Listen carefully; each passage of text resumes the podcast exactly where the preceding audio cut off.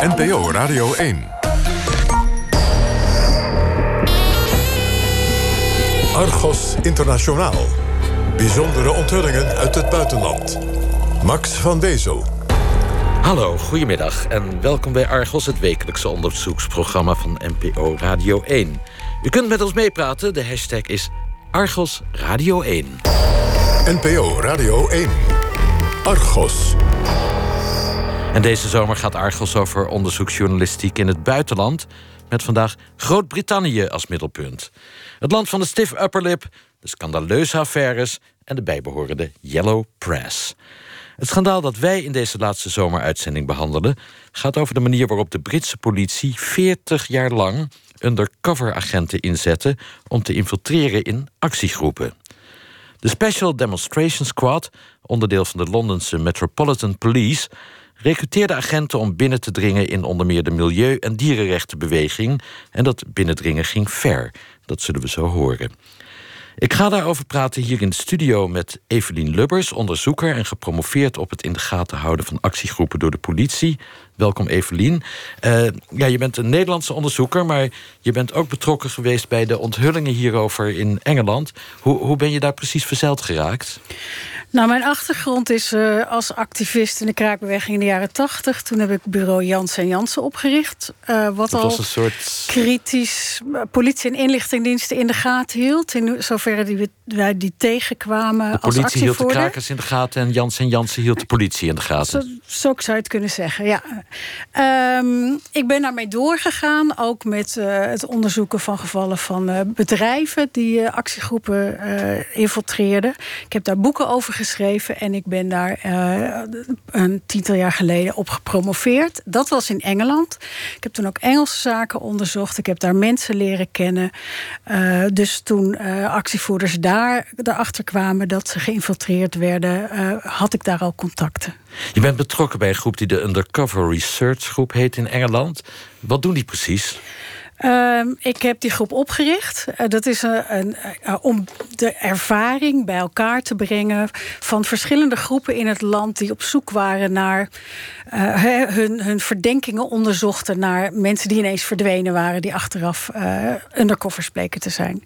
Dus om die ervaring te bundelen en mensen beter bij te kunnen staan met het onderzoek wat ze zelf doen, hebben wij die groep opgericht. Ook aan tafel Jette van Buren, deskundige op het gebied van politie en inlichtingendiensten aan de Universiteit Leiden. Ook ook een verleden in de kraakbeweging misschien? Ik heb ook wel eens een kraakband van binnen gezien, ja. Maar nu wetenschapper? Nu inmiddels keurig net wetenschapper. Het uh, AD, uh, meneer Van Buren, onthulde vanochtend... dat de paniek in Rotterdam eigenlijk is veroorzaakt... door een Spaanse undercover-agent, Ahmed... die zich tegenover de jongen uit Brabant die nu vastzit... voordeed als IS-strijder.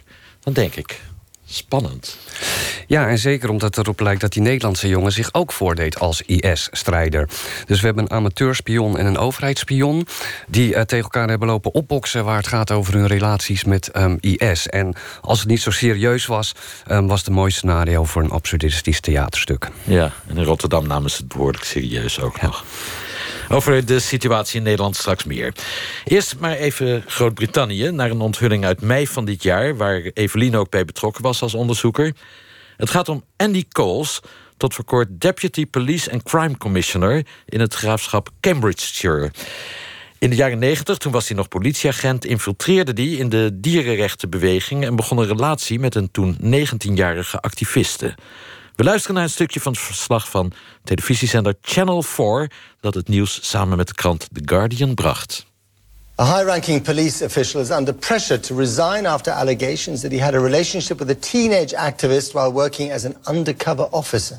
The now Deputy Police and Crime Commissioner for Cambridgeshire, Andy Coles, is accused of grooming the 19-year-old as part of efforts to infiltrate the animal rights movement in the 1990s.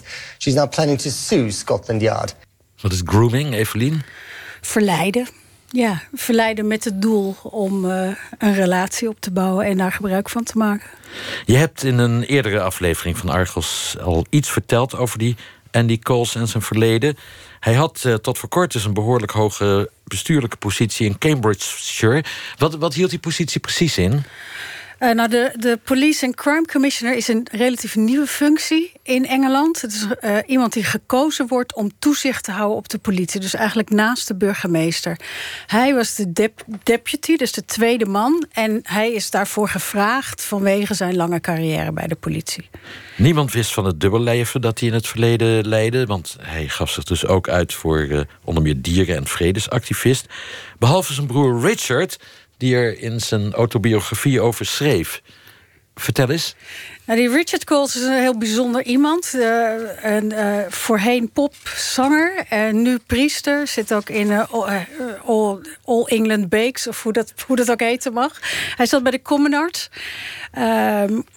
En hij heeft over zijn boeiende leven een, uh, inderdaad een autobiografie geschreven... waarin één alinea zat van op een gegeven moment met kerst... kwam mijn broer thuis met dreadlocks en tattoos. En dat, maar dat was voor zijn werk, want hij was undercover in... Dus daarin verraadde hij dat eigenlijk. En mensen die dat gelezen hadden wisten, en wisten van ons werk... hebben ons die alinea opgestuurd. En toen hebben wij dus eigenlijk terug zitten puzzelen van welke tijd moet het dan geweest zijn? Uh, meestal houden ze hun eigen voornaam. We hadden hem al uh, op een uh, we hadden een Dave in die tijd in dierenrechtenactivisten op ons lijstje om uit, verder uit te zoeken. Dus zo, oh, en Andy, pardon. en zo kwam dat bij elkaar. Hebben we dat helemaal in elkaar gepuzzeld. En dat bleek dus goed te zitten. Ze bleken dus echt een undercover geweest te zijn.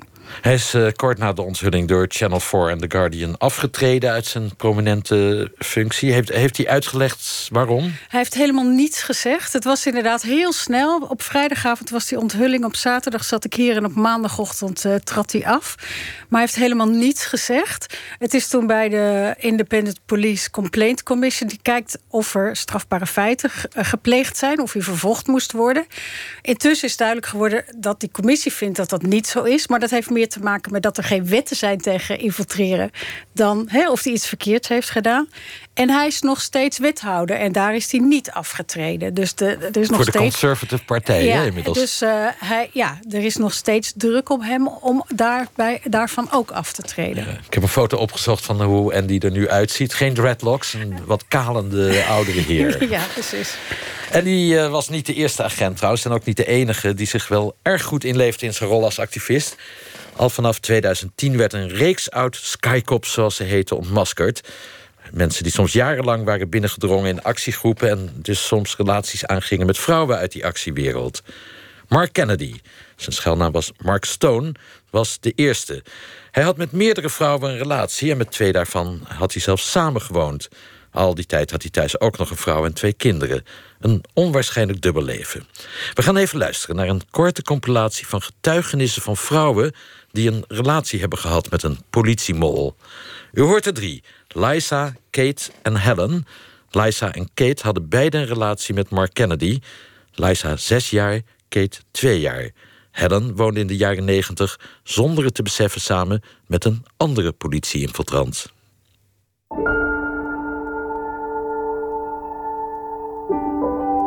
In 2010, um, I was in the highly bizarre and I thought unprecedented position um, of, of doubting the identity of the man that I had been in, a, in an intimate relationship with for six years. In 2010 kwam ik in de bizarre en niet eerder vertoonde situatie dat ik begon te twijfelen aan de identiteit van de man met wie ik zes jaar lang een relatie had.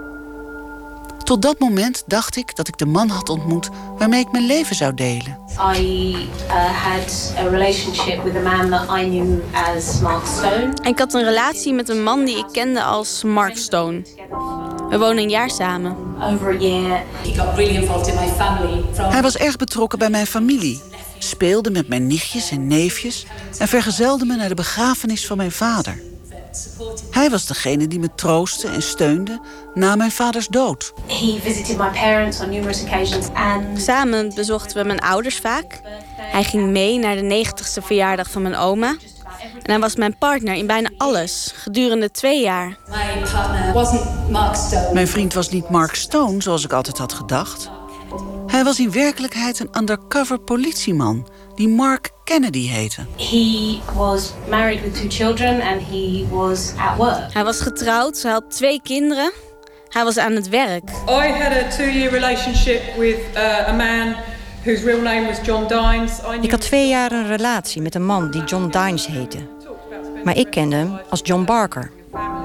We gingen samenwonen en we spraken over onze gezamenlijke toekomst en kinderen krijgen. Ik hield verschrikkelijk veel van hem. En hij zei dat hij ook van mij hield. Maar ineens, na 18 maanden, zei hij dat hij er helemaal doorheen zat. En toen verdween hij. Dat was echt hun exit-strategie. Een emotionele crisis faken en dan in het niets verdwijnen. And then vanish. The name that my partner had been using was actually the name of a child who died when they were eight years old. De naam die mijn vriend gebruikte, was in werkelijkheid de naam van een overleden kind van acht. Toen ik daarachter kwam, stortte mijn wereld in. The person I thought had been in a relationship was actually a fictional character. De man met wie ik een relatie had was dus in werkelijkheid een fictief figuur. Die was geconstrueerd door hemzelf en door zijn werkgever, de Metropolitan Police. You didn't just have a relationship with a man who didn't exist. Je had niet alleen een relatie met een man die niet bestond, maar ook met zijn contactpersoon en met de managers en met de hoge functionarissen die beslissingen namen over die relatie. En je had ook een relatie met zijn begeleiders die hem volgden op onze vakantie. En de mensen die jouw telefoongesprekken hoorden en jouw e-mails lazen. Ik wist niet meer wie ik zelf was. Weet je, ik ben gegroeid en veranderd tijdens een relatie met iemand die niet was wie die leek te zijn. Als dat fictie was, wat heeft dat dan met mij gedaan? And you know, if they were fictional, then what did that make me now? De kwetsbare, maar ook dappere, vind ik, bekentenissen van Liza, Kate en Helen. Jelle van Buren. Ja, wat moet je hiervan vinden? Nou, als je dit hoort, eh, dan staat je verstand wel even flink eh, eh, van stil. Het is op grote schaal gebeurd. En het is op grote schaal gebeurd. Heel lang. Bij infiltratie gaat het natuurlijk eigenlijk altijd om het schenden van vertrouwen. Dat is het hele idee daarachter. Je belazert mensen, je probeert een vertrouwensband op te bouwen... en dat vertrouwen misbruik je vervolgens om informatie door te spelen. Politie en inlichtingendiensten zeggen altijd dat ze heel erg goed snappen... dat dit een zeer ehm, eh, vergaande maatregel is. Dat ze het alleen zet, inzetten als het echt nodig is. En dat ze snappen dat er ethische grenzen zijn aan wat ze vervolgens doen.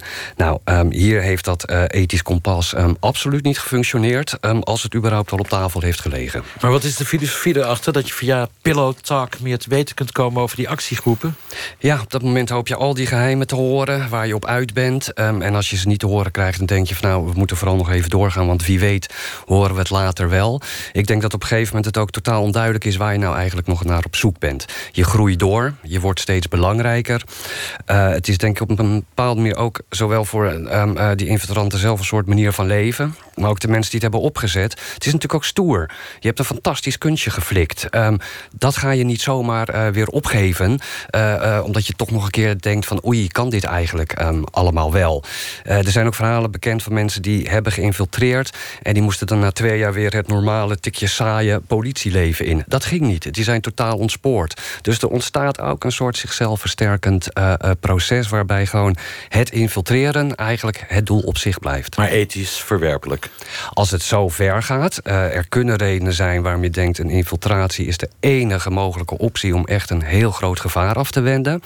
Uh, uh, dan denk ik dat je, die, dat je het kunt inzetten. Maar het is nooit een vrijbrief om alles te doen wat je wilt. En het moet wel heel erg gekoppeld zijn aan een ontzettend helder gedefinieerd doel... wat heel erg zwaar weegt. Evelien, je kent alle drie deze vrouwen persoonlijk... Wat willen ze bereiken met hun openbare getuigenis? Want het lijkt me niet makkelijk voor ze om dit toe te geven. Nee, het is, het is helemaal niet makkelijk. Vooral ook wat je al hoorde, dat je ook erg aan jezelf gaat uh, twijfelen. Maar als je op een gegeven moment tot je door laat dringen wat er gebeurd is dan word je ook ontzettend kwaad. Hè, als je ontdekt dat je niet de enige bent. Zij willen vooral aanklagen wat er gebeurd is. Niet alleen hun persoonlijke verhaal naar voren brengen. Dat ze gebruikt zijn door de staat. Een van de vrouwen noemde het verkracht door de, door de staat.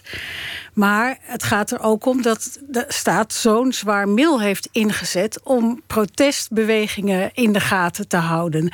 He, niet, per se om uh, criminaliteit te ontmaskeren, maar gewoon om te weten wat er gebeurt. En zij willen dus ook weten wie daarvan op de hoogte was. Op wat voor niveau uh, was het alleen die, die, die hele geheime unit? Het was binnen Special Branch, de recherche van de Londense politie het werd betaald door Binnenlandse Zaken. Wist de, wist de prime minister, wist de, de minister-president ervan? Dat is een grote vraag. Nou waren uh, niet alle bijvoorbeeld dierenrechtenactivisten in die tijd in Engeland lievertjes. Er, vloog wel eens een uh, drogisterij van Boots in brand vanwege protesten tegen dierproeven. Kan dat een reden zijn geweest, de gewelddadigheid van die beweging, om zo ver te gaan als politie? Nou, het gaat natuurlijk lang niet alleen over die, die dierenrechtenbeweging. Het is begonnen nadat er een demonstratie tegen de oorlog in Vietnam in 1968 uit de oh, hand was gelopen. Zo lang speelt het al. Zo lang speelt het al.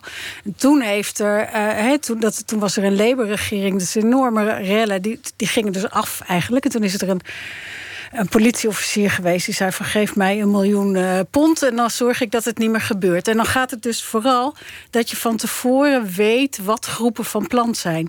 we hebben allerlei interne uh, files gezien. Hoeveel mensen komen er naar die demonstratie? Welke groepen doen eraan mee? Wat staat er allemaal op de banners? Dus het gaat over alles wat zo'n groep van plan is. En soms wordt er dan wel als soort ja, als reden opgegeven. We moeten eerst breed in zo'n groep infiltreren om te weten wie er de radicaal zijn. Maar dan nog, als je de geschiedenis tot nu toe ziet, dan zie je dat het vooral gaat om het verzamelen van inlichtingen.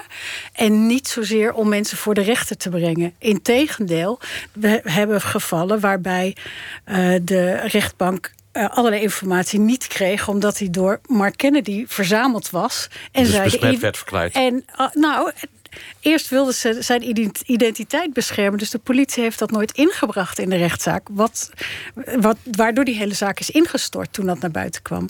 Was het per se nodig om ook nog eh, liefdesverhoudingen met activisten aan te knopen om dit soort informatie te verzamelen? Nou, het gaat wat verder dan Pillow Talk, waar Jelle het net over had. Uh, het zijn jarenlange relaties. En het, die zijn vooral gebruikt om uh, als infiltrant beter vertrouwd te worden in zo'n in zo'n club. Als je uit het niets komt, en vaak hadden ze ook niet echt hè, een, een politiek verleden waar ze naar konden verwijzen.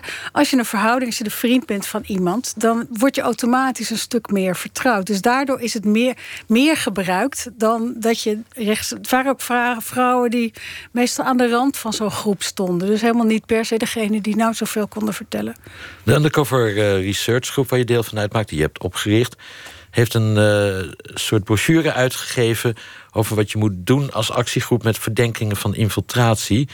Uh, daarin waarschuwen jullie expliciet tegen te veel achterdocht en paranoia. Leg eens uit. Ja, nou, die, die brochure is vooral een bundeling van al onze ervaring. Wij, werken, wij doen niet dat, dat werk allemaal zelf. Wij helpen actiegroepen met hun verdenkingen. En vooral in het verleden, omdat we nu weten dat er 150 infiltranten zijn geweest sinds uh, eh, 1968. Dus het betreft een heleboel groepen die nu allemaal na gaan denken. Waren er in onze omgeving mensen die heel intensief uh, actief waren en ineens verdwenen. Um, maar ook in het nu, er is niets gevaarlijker dan elkaar te gaan wantrouwen, de vinger te gaan wijzen. Dat is de manier. Je, je, hoeft maar een gerucht te verspreiden dat er een infiltrant is om een groep kapot te krijgen. En ons advies is heel erg als er dat soort geruchten zijn, laat ze niet doorsudderen. Dat gaat etteren. Maar richt een klein groepje op van mensen die je vertrouwt. En ga aan het werk en probeer dat snel goed uit te zoeken. En die brochure gaat er dan over hoe wij dat dan doen. Of wat voor tips wij daarvoor hebben. Als dat kleine groepje maar niet ook weer geïnfiltreerd is door de politie. Uh, we hebben dat bij één groep, die zeiden ook van ja, als in ons geval, als wij zo'n onderzoek hadden gedaan, dan was degene die nu blijkt een infiltrant te zijn geweest, was absoluut onderdeel geweest van het groepje. Dus het blijft altijd een probleem. Maar ik denk dat je als actiegroep open moet zijn, zover als het kan. En hou alleen, het hoofd koel. Hou het hoofd koel. En alleen voor de dingen die echt geheim moeten blijven, moet je dingen geheim houden. Laten we het even hebben over de rol van de pers. Huub Jaspers uh, sprak eerder deze week met Rob Evans. Hij is onderzoeksjournalist bij The Guardian. Deed samen met andere collega's en met de researchgroep van Evelien onderzoek naar de undercover-praktijken bij de Britse politie. We gaan even luisteren naar dat gesprek.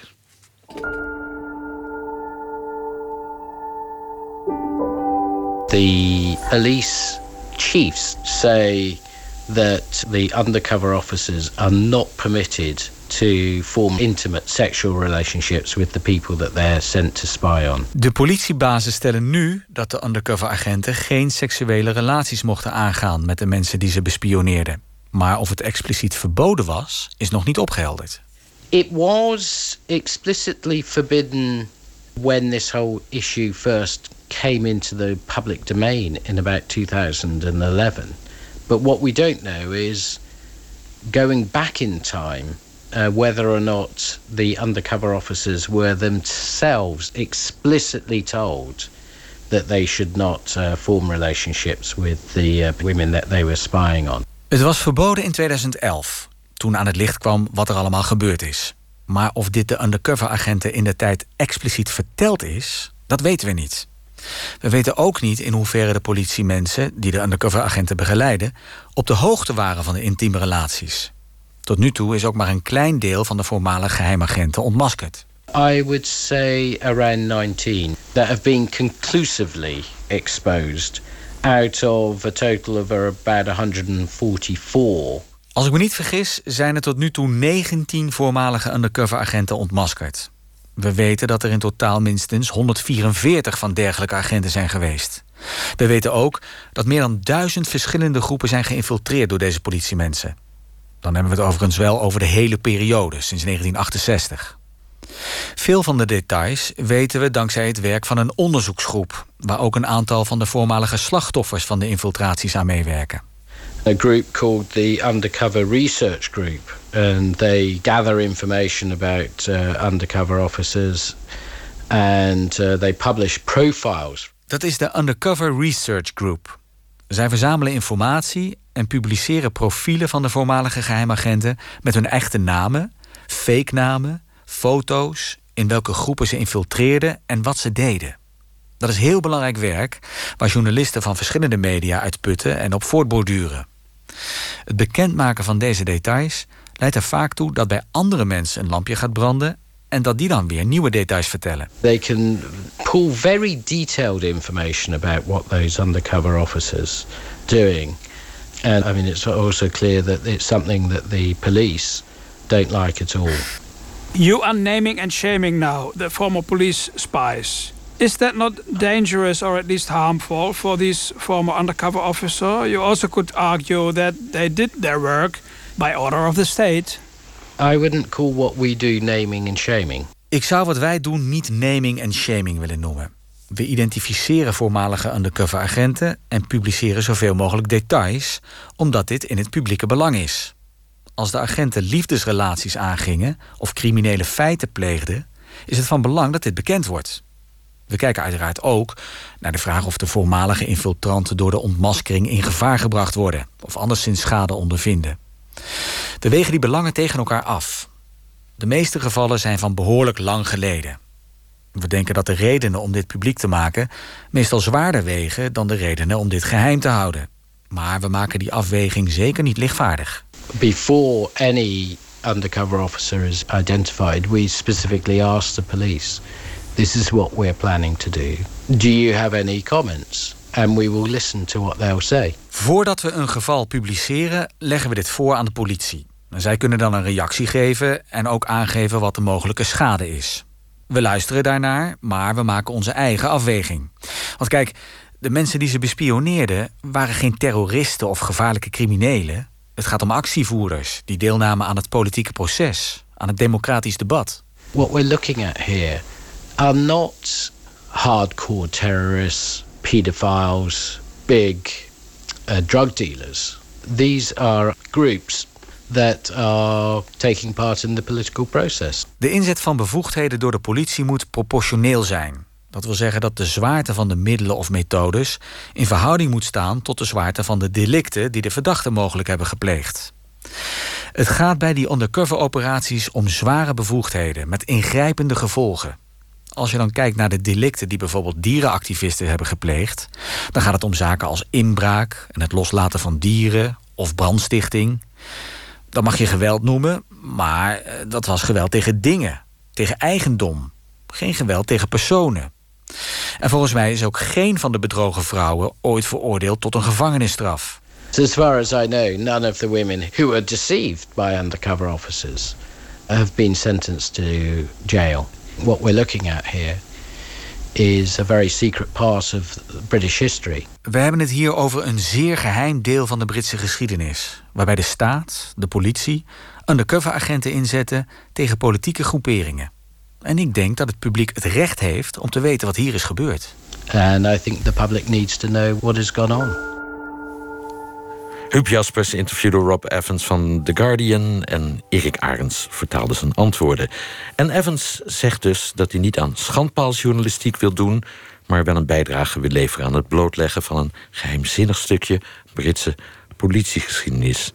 Evelien, ehm, hoe is de rolverdeling tussen jullie researchgroep... en journalisten als Evans? Nou, met Rob Evans werken we veel samen. Maar meestal is het zo dat wij met de groepen die bespioneerd zijn... samen het onderzoek, het grootste deel van het onderzoek doen. Um, Rob helpt ons daarbij. En als we het verhaal helemaal compleet hebben, dan gaan we naar de pers en uh, kijken we hè, of we het met de Newsnight van de BBC of met Channel 4 naar buiten brengen. En dan met The Guardian of een andere kant. The Guardian doet erg aan hoor en wederhoor, zo te horen. Hè. Je legt het eerst voor aan de bevoegde instanties en dan beslis je pas of je dat antwoord bevredigend vindt en tot publicatie overgaat of niet. Doet jullie researchgroep dat ook? Het is voorleggen aan de instanties?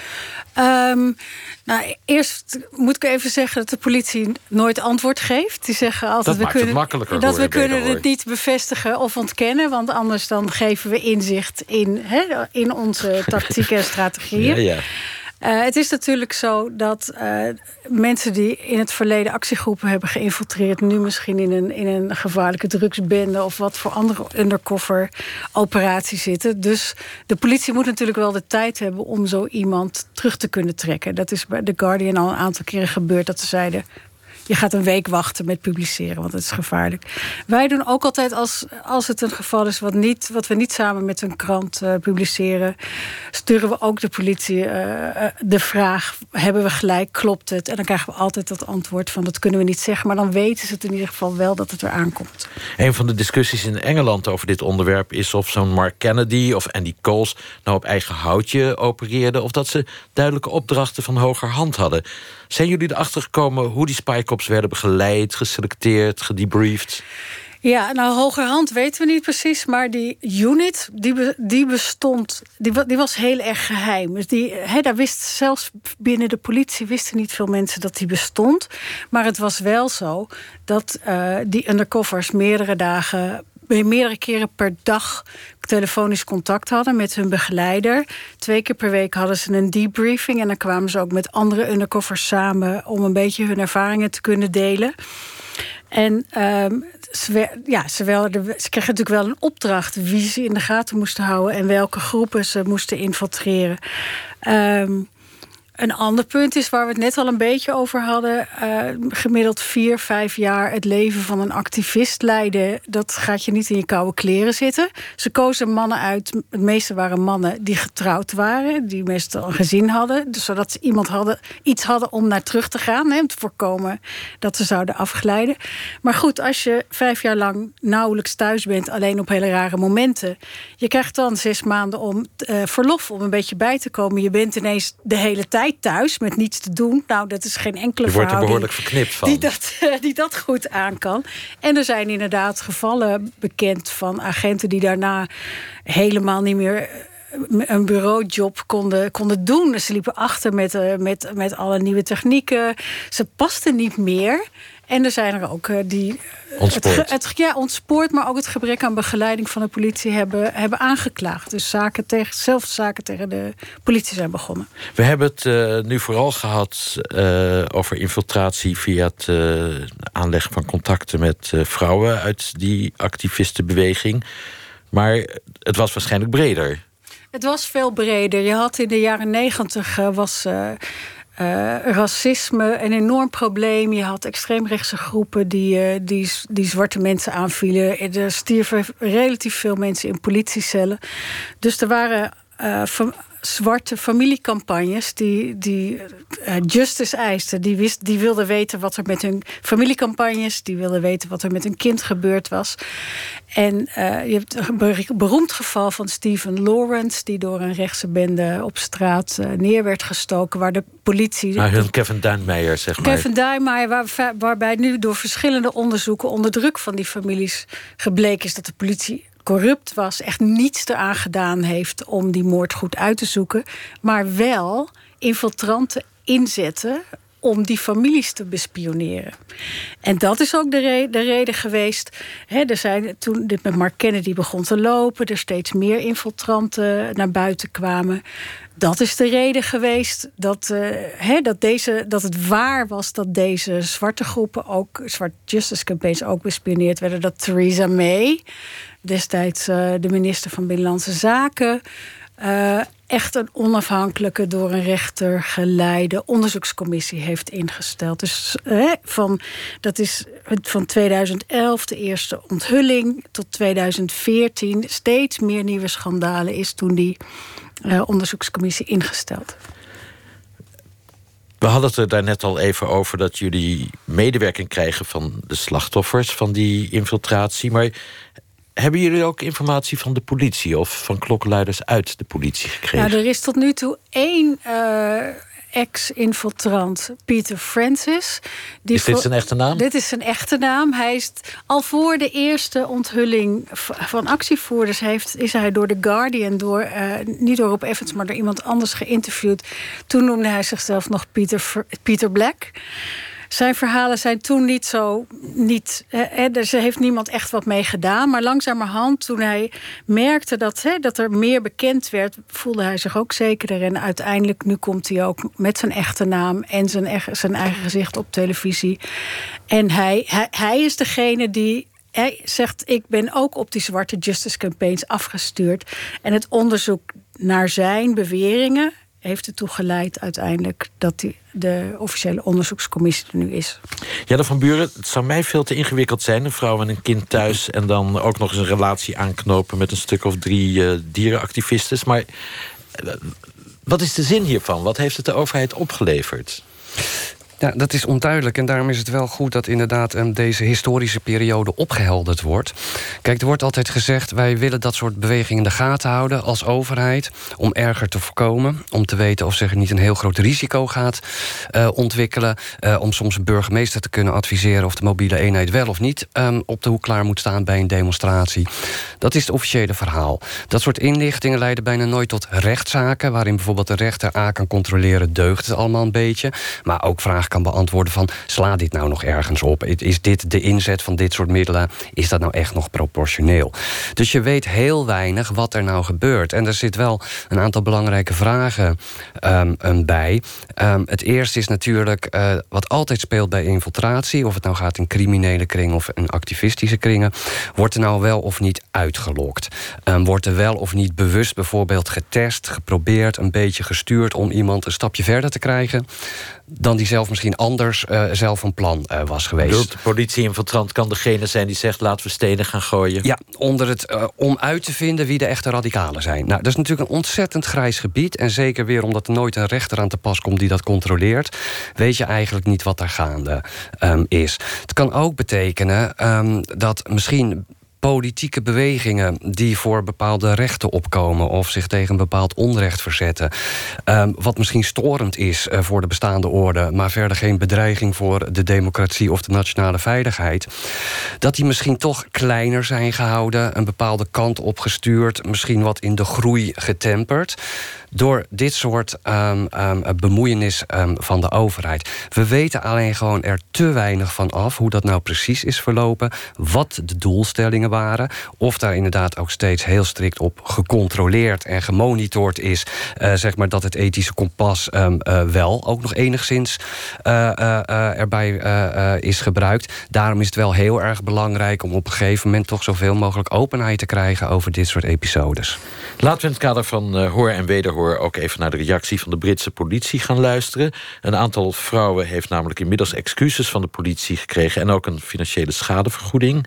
Dit is een verklaring van de politie waarin ze uitleggen waarom die Special Demonstration Squad nodig was en hoe geheim het project was.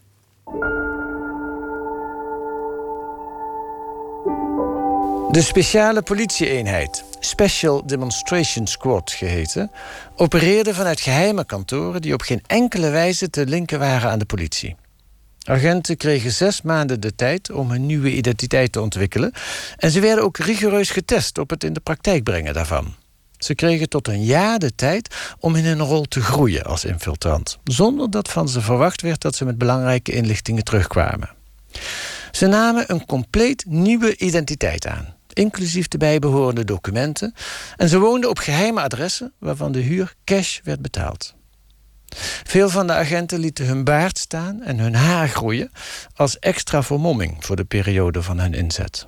Dat leidde er ook toe dat de eenheid binnen de politie de bijnaam de Harrys kreeg. Harry heeft in het Engels meerdere betekenissen. Niet alleen letterlijk behaard, maar ook iets dat spanning of gevaar oplevert of moeilijk is.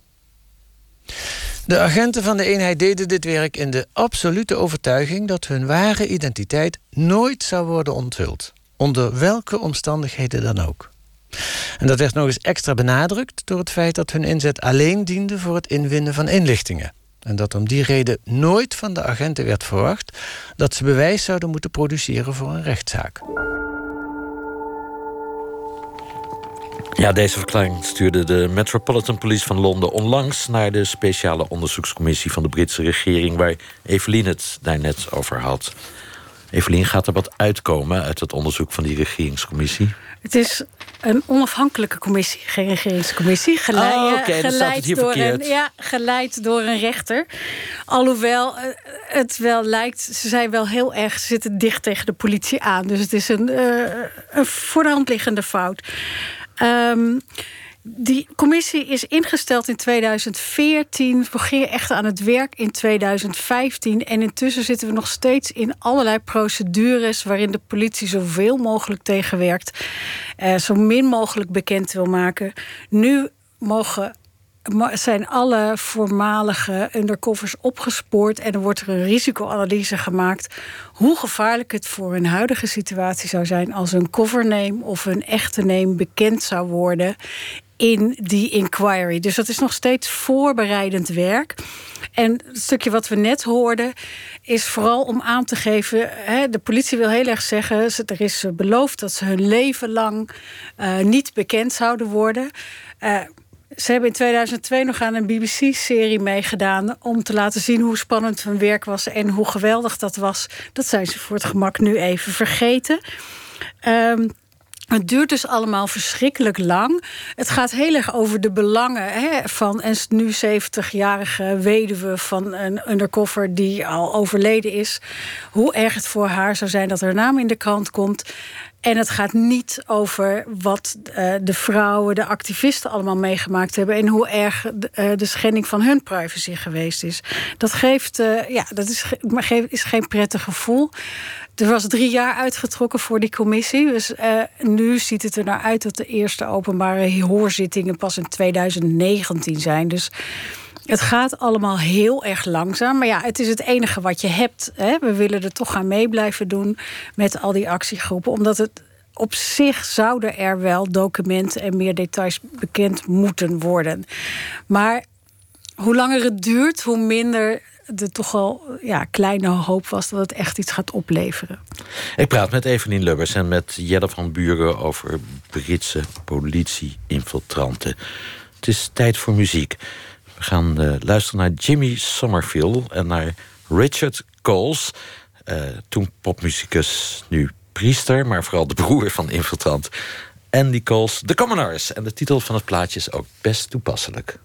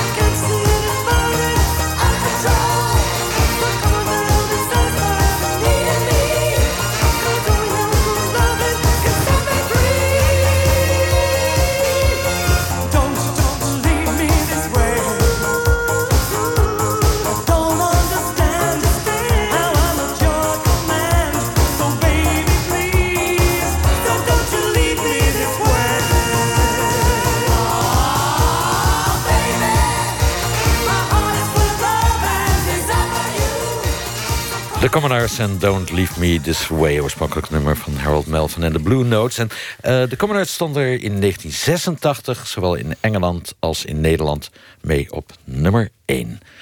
Aan tafel nog steeds onderzoekers Evelien Lubbers en Jelle van Buren. Meneer van Buren, nou ja, we hebben nu gehoord... hoe undercoveragenten in Engeland binnendrongen... in het uh, privéleven van activisten... U bent deskundige op het gebied van politie en justitie. Gebeurt dat hier nou ook? Ja, in principe gebeurt dat in Nederland ook. Eh, de wettelijke bevoegdheden zijn er, zowel voor de inlichting en veiligheidsdienst als voor de politie. Wat je wel ziet is dat de politie zich voornamelijk concentreert op de georganiseerde criminaliteit. Misschien kent u de IRT-affaire nog. Toen was er ook sprake van infiltranten en informanten. Het ging om drugshandel. Op dat ging om drugshandel. drugshandel. De Nederlandse politie dacht dat zij heel slim de criminelen runden. Achteraf uh, leek het erop dat misschien de politie was gerund door de criminelen. Ja, ik weet nog, Sapman. En de Sapman. Dus dat, dat heeft de aanzet gegeven tot hele strikte regels op dit gebied. Um, voordat aan zo'n traject wordt begonnen, uh, uh, wordt er lang nagedacht: kan het? Uh, wat gaat het opleveren? Is het verantwoord? En het belangrijkste, bijna altijd komt er op een gegeven moment een rechter aan te pas die ook kijkt of het inderdaad klopte, of het bewijs toelaatbaar is, of er niet aan uitlokking is gedaan, et cetera, et cetera. Als je kijkt naar activisme, dan heb je het uh, uh, meer over de uh, Algemene Inlichting en Veiligheidsdienst. Um, zij werken eerder met informanten in Nederland dan met infiltranten. En informanten, Wat is het verschil? Dat betekent dat je op iemand afstapt en zegt van... hé, hey, wij weten bijvoorbeeld dat jij betrokken bent bij de studentenbeweging. Kun je ons nou eens vertellen hoe de sfeer was op die laatste vergadering... toen jullie het hadden over die demonstratie? Dan vraag je iemand vrijwillig jou iets te vertellen. Maar niet een politieagent die gaat doen alsof die student Precies. is. Precies, het is gewoon op vrijwillige basis. En je mag zo iemand ook niet sturen. Je mag niet gaan zeggen van... joh, zou je eens met die en die uh, bijvoorbeeld een leuke relatie uh, willen aanknopen. Um, de infiltratie uh, gebeurt ook. Uh, dat zijn langdurige, ook hele moeilijke uh, trajecten. Het idee op dit moment is, met alles wat we weten, dat dat ook wordt gereserveerd voor um, netwerken of groeperingen waarvan men echt denkt dat daar een heel groot risico van uitgaat. Dan heb je het echt over aanslagen en dat soort zaken. Als het gaat over de actiebewegingen, lijkt het meer om informanten te gaan of uit openbare bronnen gewoon bewegingen in de gaten te houden. En het lijkt dat de regionale inlichtingendiensten veel van dat werk doen. Dat is een ingewikkelde club. Die werkt namelijk deels uh, voor de burgemeester, waar het gaat over openbare orde. Die kijken deels voor de AIVD en, de en deels voor de AIVD. En wanneer ze precies welke pet op hebben, uh, daar ontstaat nog wel eens verwarring over. Maar dat zijn vaak de mensen die um, zeg maar dit werk doen om proberen in de gaten te krijgen wat gebeurt er, wat kunnen we verwachten, hoe ontwikkelt zich iets. Dus zeg maar in echt uh, zware criminaliteit komt die infiltratie voor, drugshandel uh, pornohandel, noem Wapenhandel. maar op. En mogelijk ook in islamitisch extremistisch milieu. Ja, maar dan zul je eerder op het niveau van de inlichtingendiensten zitten. En wat natuurlijk een nieuwe ontwikkeling is, is zeg maar de digitale infiltratie.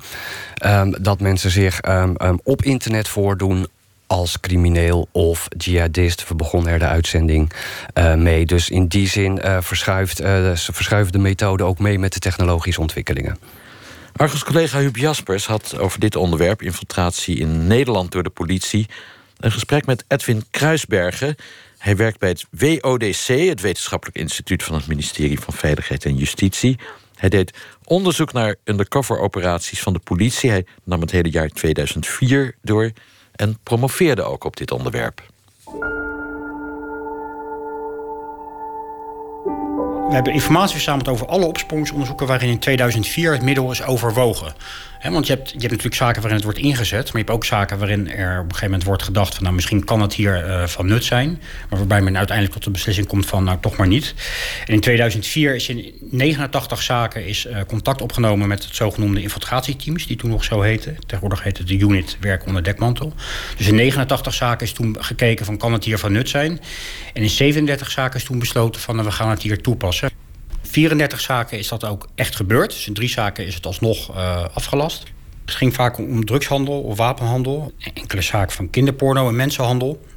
Het ging ook wel om levensdelicten. Dus zaken waarbij er een moord was gepleegd. En waarbij de politie wel denkt de dader in het te hebben... maar eigenlijk ja, geen middelen meer heeft om echt tot concreet bewijs te komen. En dan iemand inzet die ze bijvoorbeeld vriendjes laten worden met die persoon... om ja, met als, als doel om uh, informatie los te krijgen... die wijst op zijn of haar betrokkenheid. Hoe lang uh, duurde zo'n undercover operatie maximaal? Nou, de, de, langste traject wat wij hebben gezien was was toen drie jaar. En het kortste eigenlijk zeg maar één dag. Maar de meeste zaten daartussenin. Die van drie jaar, dat is wel echt een uitzondering. En waar ging dat over? Het ging om een drugsgroepering, synthetische drugs. En de gedachte was dat ja, de grote man op de achtergrond steeds maar onzichtbaar bleef. En men dacht te weten wie dat was. En daar, daar is een traject op gezet. En uh, nou, dat heeft heel lang, uh, heel lang geduurd. En heeft dat uiteindelijk geleid tot de veroordeling van die, van die verdachte? Nee, die zaak is inderdaad niet gelukt. Maar goed, er zijn, er zijn wel wat meer zaken geweest... die bijvoorbeeld ja, maanden of, of soms een jaar uh, hebben geduurd. En in hoeveel van die zaken heeft het uiteindelijk succes gehad? Was de informatie die zo'n undercover agent ja. weet los te peuteren belangrijk voor een uiteindelijke veroordeling ook? Nou, van die 34 zaken waarbij het echt is ingezet, het middel in 2004, heeft het in 12 zaken uh, echt een belangrijke bijdrage geleverd aan de opsporing of berechting. En van die 12 ging het vier keer om uitsluiting. Dus dat de politie uh, en het OM tot de conclusie kwam van nou die dader heeft of het niet gedaan, of, of heeft een, deel van de delicten uh, niet gepleegd, of het is minder, minder ernstig dan we dachten. En dus zeven keer bewijs voor dat wat gebruikt is voor een veroordeling. Eén keer heeft het geleid tot alleen maar sturingsinformatie. Dat betekent informatie die wel is gebruikt in het opsporingsonderzoek, maar niet direct tot de verordening heeft geleid. En dan ja, dan kan je denken bijvoorbeeld aan dat dankzij de undercover-agent de politie veel meer te weten kwam over de, soort smokkelmethode die een groepering gebruikt, of, of de telefoonnummers die een groepering gebruikt, waardoor het vervolgens weer makkelijker is om te tappen, bijvoorbeeld. Het gaat niet alleen, het is niet, niet alleen bewijs, zeg maar. Het kan, kan ook andere, nou, het kan ook andere opbrengsten hebben. U heeft kennis genomen hè, van de publicaties in Engeland. Is dat denkbaar dat dat soort dingen ook in Nederland gebeuren? Nou, nee, het kort, kort antwoord daar. Nee, zoals ik het ken, absoluut niet. Hè. We moeten wel weer zeggen dat wij natuurlijk alleen naar politiezaken gekeken. Kijk, wat er bij de IVD gebeurt, dat, uh, dat weet ik niet.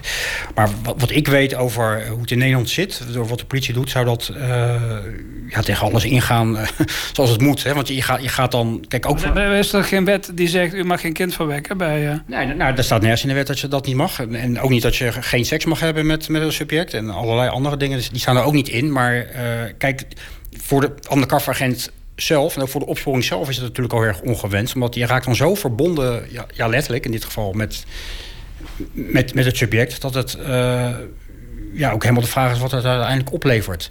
Los van de vraag hè, dat het uh, ja, dus een hele grote vraagteken kan zetten bij of dit wel toelaatbaar is gezien de inbreuk die je maakt op het leven van de verdachte. Want ja, die moet altijd afgewogen worden tegen het doel.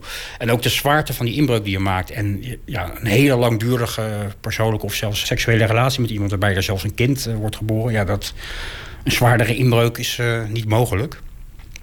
Dus nee, dit, dit zou uh, in Nederland niet, lijkt mij, niet voorkomen. Hè. Zeker weten we het natuurlijk niet. Nou, Kijk, ik weet wat ik heb gezien. Kijk, wat, wat, wat, ik niet heb gezien, daar kan ik geen uitspraak over doen. Maar alles wat ik weet en alle, gewoon de, de, alle redeneringen, alle overwegingen die, die en de wetgeving en hoe men hier in de praktijk mee omgaat, zou het in Nederland, uh, zou het in Nederland niet gebeuren. Huub Jaspers in gesprek met Edwin Kruisbergen van het WODC, die dus zegt: It can't happen here. Dan weet hij het niet zeker van de AIVD, want dat heeft hij niet onderzocht. En dan moet je als wetenschapper ook geen uitspraak over doen. Zijn onderzoek beperkt zich tot het jaar 2004... maar dankzij een WOP-verzoek van het AD weten we... dat ook in recente jaren gemiddeld zo'n 70 undercover-operaties... van de politie plaatsvinden. Het geruststellende, meneer Van Buren, is... het gebeurt wel echt in crimineel milieu dus. Ja, dit soort politieinfiltraties is gericht, uh, gericht, op de georganiseerde criminaliteit. Het vervelende is alleen dat we gewoon niet weten hoeveel acties er lopen vanuit de inlichting en veiligheidsdiensten. We hebben die indicaties dat er wel scherp wordt uh, gekeken naar de zwaarte van het middel en die wel proportioneel inzetten. Meer besef van ook de implicaties en de ethische dilemma's. Er zijn wel heel veel commissies door minister Plasterk in het leven gesteld die dat moeten controleren. Ja, maar het probleem daarbij is, is dat je dit niet alleen maar met juridische regels en protocollen kunt oplossen. Sterker nog, het risico is dat het dan alleen nog maar om gaat of het juiste hokje wel is afgevinkt en de inhoudelijke discussie eigenlijk verdwijnt. Nederlandse Inlichting en Veiligheidsdienst um, um, zegt zegt wel altijd dat um, de interne ethische discussie belangrijk is. Dat dat een aspect is waar ze zelf heel veel aandacht aan besteden. Ik denk dat dat ook heel erg belangrijk is. Alleen dat zijn ook weer typisch van die zaken waar wij niet bij aan tafel zitten. Dus je weet het uiteindelijk gewoon niet. Evelien, uh, Edwin Kruisbergen zegt... nou ja, in Nederland zijn een paar dingen echt not done. Seksuele relaties aangaan, relaties waaruit kinderen geboren worden. Dat is in Engeland allemaal wel gebeurd, hè?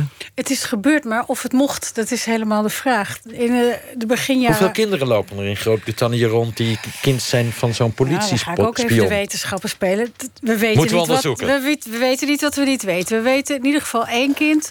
En we weten eh, van een relatie waarbij de vrouw de undercover gevonden heeft... nadat hij verdwenen was. Die relatie heeft voortgezet en daar twee kinderen van heeft. Maar dat werd ook een, een bijzonder nare relatie... waarin zij helemaal van al haar oude actievrienden afgezonderd werd. Dus die is intussen naar een opvanghuis en gescheiden. Dus dat zijn er al drie.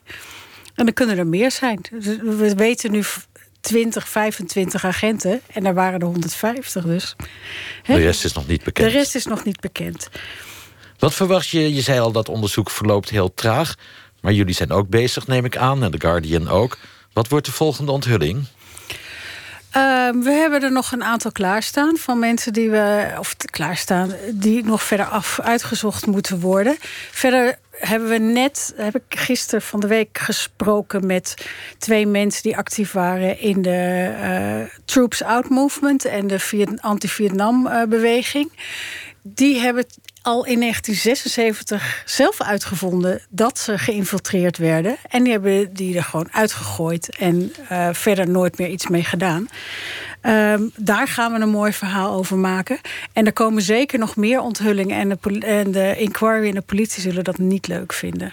Maar wij blijven duwen, anders gebeurt er niks. Mag ik jullie bedanken voor dit uh, gesprek over een wat schimmige wereld. Jelle van Buren en Evelien Lubbers. En dit was dan de laatste aflevering van Argos Internationaal. Een zomerserie waarin we aandacht besteden aan tegenlichters in Vaticaanstad, Turkije, Eritrea, Oekraïne en vandaag dus Groot-Brittannië. Volgende week weer een reguliere Argos. Dan met een indringende documentaire over een multiprobleemgezin. De twee kinderen van de Bulgaarse Iva werden uit huis geplaatst. En vanaf dat moment werd ze dakloos. Straks radar met slimste mens Misha Blok. En daar gaat het onder meer over de vraag... hoe herken je een betrouwbare reisorganisatie? En uh, zijn ze wel aangesloten bij een garantiefonds? En let u daar wel op. Morgenavond om 7 uur meer onderzoeksjournalistiek... bij KRO-NCV Reporter Radio. Dat is om 7 uur op Radio 1. Ik wens u een goed weekend.